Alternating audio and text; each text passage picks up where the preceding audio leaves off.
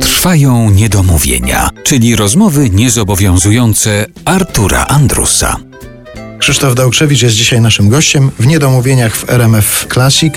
Wspominaliśmy już o Twoim uzależnieniu od informacji. To pewnie ta informacja już do Ciebie dotarła, że według najnowszego rankingu na pierwszym miejscu, jeżeli chodzi o szansę wygrania wyborów prezydenckich na Ukrainie, jest komik Wołodymyr Żeleński, popularny komik, aktor kabaretowy ukraiński, tam startuje w wyborach i na razie jest na pierwszym miejscu w tych rankingach.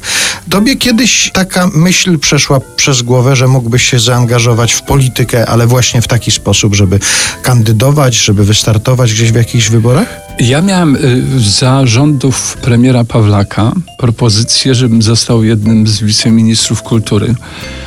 Y, że tak powiem, spotkaliśmy się z mm, ówczesnym marszałkiem Sejmu w Sejmie ale to, że jaką miałam dostać propozycję, to później dowiedziałem się od mojej przyjaciółki dziennikarki, ponieważ ja na wstępie powiedziałam, że nie chcę się angażować w jakąkolwiek politykę i panie marszałku, możemy sobie wypić po kieliszku, pogadać o tym, co się dzieje, ale... Czyli wtedy ta propozycja nie padła e, formalnie? Bezpośrednio do mnie nie padła, tylko mhm. później dowiedziałem się, o co chodziło.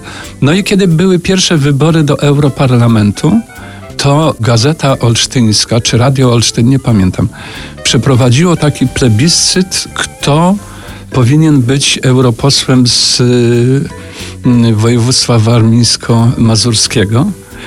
I proszę sobie wyobrazić, że zdobyłem pierwsze miejsce jakąś tak strasznie dużą ilością procentów. Za mną był Piotrek Bałtroczyk drugi, a dopiero trzeci jakiś zawodowy polityk ze śladową ilością głosów. I najzabawniejsze w tym wszystkim to jest to, ja sobie nie wyobrażam siebie w roli polityka, ja wyobrażam się w roli komentatora. Ja nie wiedziałem o tym plebiscycie, bo on się tam odbywał sobota, niedziela. I poniedziałek rano mam telefon od faceta, z którym się nie widziałem chyba z 20 lat albo i wcześniej. on mówi, cześć Krzysiu, co tam u ciebie słychać? E, mówi, o, o, o co chodzi Stefciu?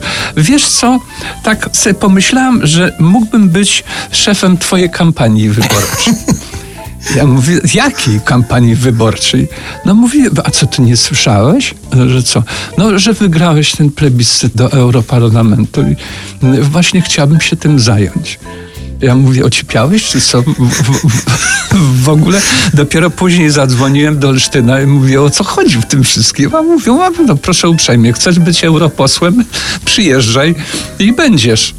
Ale jak sobie pomyślałem, że będę siedział, rozumiem, przede mną będzie siedzieć ten, nie wiem, Czarnecki za mną, jeszcze ktoś. Ale obok ciebie Bałtroczyk. To jest z kolei miła perspektywa. Ale no, o tym nie pomyślałem. Tak, to by, była wesoła frakcja.